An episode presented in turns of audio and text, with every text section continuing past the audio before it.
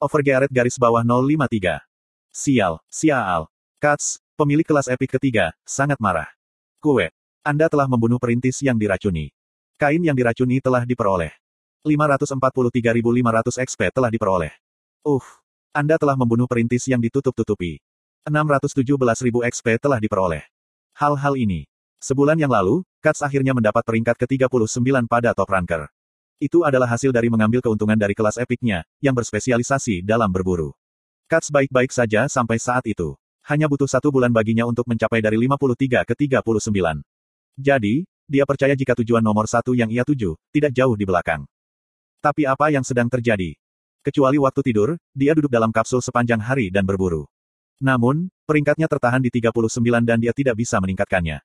Kemudian hari ini, peringkatnya turun ke posisi ke-40. Kebanggaan tinggi Katz hancur. Inilah aku. Kenapa aku berkeliaran di peringkat ke-40 selama sebulan?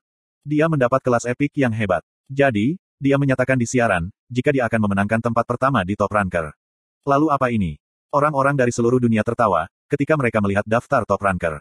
Putra kedua dari Jin, konglomerat Jepang terkemuka, dicap sebagai pembual bagi dunia. Aku tidak bisa mengerti, tidak peduli bagaimana aku memikirkannya. Katz tidak berhenti berpikir, saat berburu monster. Attack Power dan Attack Speed Blood Warrior tidak tertandingi. Tidak ada kelas lain yang bisa berburu secepat, dan semudah ini. Lalu, mengapa peringkatku tidak naik? Bagaimana orang-orang itu naik level, lebih cepat dariku? Petik 1. Katz saat ini level 215. Dari level 210, jumlah XP yang dibutuhkan untuk naik level meningkat secara signifikan. Ini disebut bagian neraka oleh peringkat. Namun, Katz dengan cepat mendaki bukit dengan berburu sendirian. Tapi peringkatnya tidak naik. Itu tidak berguna, meskipun fakta jika XP-nya terus mendaki. Dia memanfaatkan kekuatan keluarganya, dipersenjatai dengan barang-barang terkuat, dan memiliki kelas terbaik. Namun demikian, peringkatnya. Aku, itu berarti, kemampuan bermain gameku lebih rendah dari yang lain. Katz tidak bisa mengerti. Aku belum pernah melewatkan posisi teratas dalam game apa pun, sejauh ini. Dibandingkan dengan saudara laki-laki dan perempuannya yang disebut, jenius, otaknya agak kurang. Dia memiliki temperamen yang lemah, dan dia benar-benar dikecualikan dari menjadi pengganti. Namun, bakatnya dalam bermain game melebihi kakak dan adiknya. Dan dia yakin, jika dia adalah yang terbaik di dunia. Tapi sekarang, harga dirinya hancur. Aku tidak bisa menerimanya, aku tidak bisa menerimanya. Katz adalah pecundang di dunia nyata, yang tidak bisa melewati tembok kakak dan adiknya. Dia tidak ingin menjadi pecundang, bahkan disatisfi. Jadi, dia membuat keputusan. Aku akan memindahkan tempat berburuku ke tempat yang lebih kuat. Petik 1. Saat ini, Kat sedang berburu di tempat yang dipenuhi dengan monster level 230. Monster di sini muncul dalam kelompok tiga ekor dan memiliki skill yang berbeda. Sehingga, bahkan peringkat terbaik perburuan dalam sebuah party, ada di tempat ini. Bahkan Katz yang menyerap HP musuh setiap kali ia menyerang, harus sangat bergantung pada posion untuk bermain solo di sini. Sekarang, dia ingin bermain solo di tempat berburu tingkat yang lebih tinggi. Itu sulit, tidak peduli seberapa bagus kelasnya. Jika dia sedikit ceroboh, dia akan mati dan kehilangan pengalaman. Tapi, Katz punya uang. Aku akan mempersenjatai diri dengan item dan poiton yang lebih baik. Senjata, armor, dan aksesori Katz semuanya memiliki nilai kelas unik. Tapi, Katz tidak puas. Secara khusus, kinerja armor dan sarung tangannya tidak memuaskan. Armor of Great Sorrow. Peringkat, unik. Daya tahan, 38 per 310. Defense, 459. Move, speed, minus 11%. Asteris memantulkan 10% dari damage yang diterima. Asteris setelah durabilitas turun di bawah 100, semua statistik akan meningkat 5%. Armor yang dikenakan Deimode, mantan Knight, ketika dia bertarung dengan Piaro dan dituduh sebagai pengkhianat. Armor Deimode dipenuhi dengan dendam dan rasa sakitnya. Pembatasan player. Level 180 atau lebih tinggi. Strength lebih dari 750. Stamina lebih dari 600. Intermediate Heavy Armor Mastery, level 4 atau lebih tinggi. Berat, 2300. Black Wind Gauntlets. Peringkat, unik. Daya tahan, 110 per 170 pertahanan, kecepatan serangan. Defense, 57. Attack speed, plus 5%. Accurate plus 10%. Sarung tangan yang digunakan oleh Assassin's Wind. Sangat ringan dan nyaman dipakai, sehingga Anda dapat menyerang target, dengan lebih cepat dan lebih aman. Pembatasan player. Level 200 atau lebih tinggi. Agility lebih dari 220.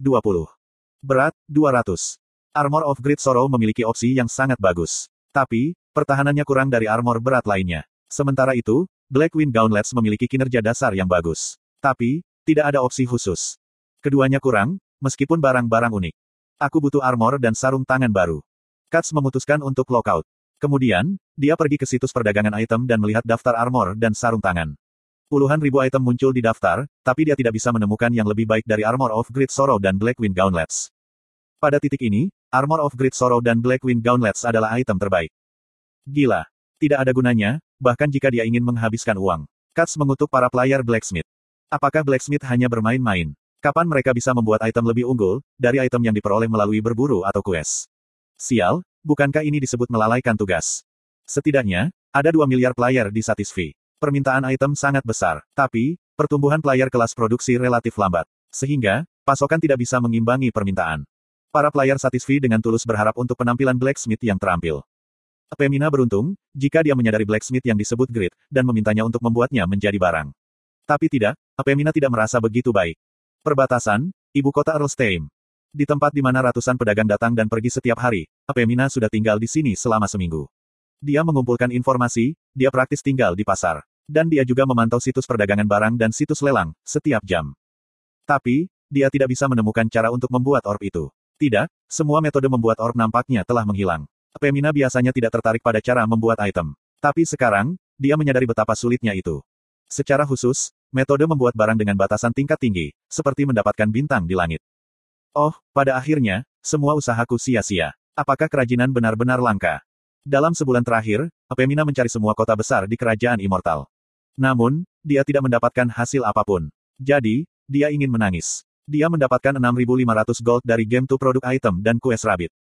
Jadi dia percaya, jika dia dapat dengan mudah mendapatkan metode produksi, menggunakan uang ini. Namun, kenyataannya terlalu dingin. Ini menyebalkan. Tapi, ekspresi Apemina menegang di depan rumah lelang. Itu karena, stat insight-nya yang luar biasa tinggi, mendeteksi tatapan seseorang. Itu sudah dimulai dua hari yang lalu. Orang yang tidak dikenal, secara sistematis memantaunya. Siapa ini? Apemina adalah seorang serdadu rahasia, yang meninggalkan banyak manfaat, termasuk ketenaran. Terlebih, dengan menjadikan namanya pribadi dalam daftar top ranker, mustahil. Dia beroperasi dengan hati-hati, dengan banyak nama samaran. Dengan kata lain, itu tidak mungkin bagi seseorang untuk menangkap ekornya. Ini adalah pengalaman pertamanya, dengan dipantau. Itu tidak menyenangkan. Siapa, mengapa, bagaimana? Pemina memasuki gang terpencil, lalu dia berbicara ke udara. Keluar, aku tahu kamu di sana. Keluar, aku tahu kamu di sana. Petik dua tanda seru tanda seru petik dua. Kata-kata target yang ia amati, menyebabkan jantung Faker turun. Tentunya, dia tidak melihat melalui skill Stealth Kukan. Tidak, itu tidak mungkin. Faker adalah jenius yang mencapai posisi pertama pada peringkat Assassins, hanya 8 bulan setelah memulai Satisfy. Bahkan Old Sword Demon yang telah menjadi Assassins nomor satu sejak Satisfy diluncurkan, jatuh karena bakat Faker. Seorang blacksmith tidak dapat mendeteksi stealthku. Faker yakin, dan melaporkannya ke jendela obrolan party. Apakah masuk akal, kalau dia mengacu padaku? Pasti kalian. Ada serangan balasan. Jangan membuatku tertawa. Kami telah mengamankan jarak yang aman. Dia tidak bisa memperhatikan kami. Hei hei, dia menatap ke arahmu di tempat pertama. Kekekekekek assassin nomor satu, ditemukan oleh Blacksmith belaka. Kenapa kamu tetap sangat dekat? Kamu memiliki terlalu banyak kebanggaan, sebagai assassin nomor satu. Faker dan anggota partinya adalah bagian dari Guild Sedekah. Itu sekitar sebulan yang lalu. Guild Sedekah menerima informasi, tentang game to produk item di Winston, dan dengan cepat berkumpul di Winston. Kemudian, mereka mengumpulkan informasi tentang Blacksmith yang membuat dagger berperingkat epik. Ada banyak orang yang menonton pertandingan pada saat itu. Jadi, Mudah bagi guild sedekah untuk mengumpulkan informasi. Ide blacksmith itu adalah Erina. Jenis kelaminnya perempuan. Tingginya 160 cm. Dia diperkirakan berusia antara 17 sampai 19 tahun. Dia memiliki rambut emas cerah hingga ke pinggang, dan penampilan cantik yang tak terlupakan. Guild Sedekah menyelesaikan potret Erina berdasarkan pernyataan saksi, sebelum berpisah untuk melacak Erina. Kemudian dua hari yang lalu, Faker dapat menemukan Erina di Frontier. Jishuka mendengar laporan dari Faker dan memerintahkan. Aku akan menemuinya secara langsung.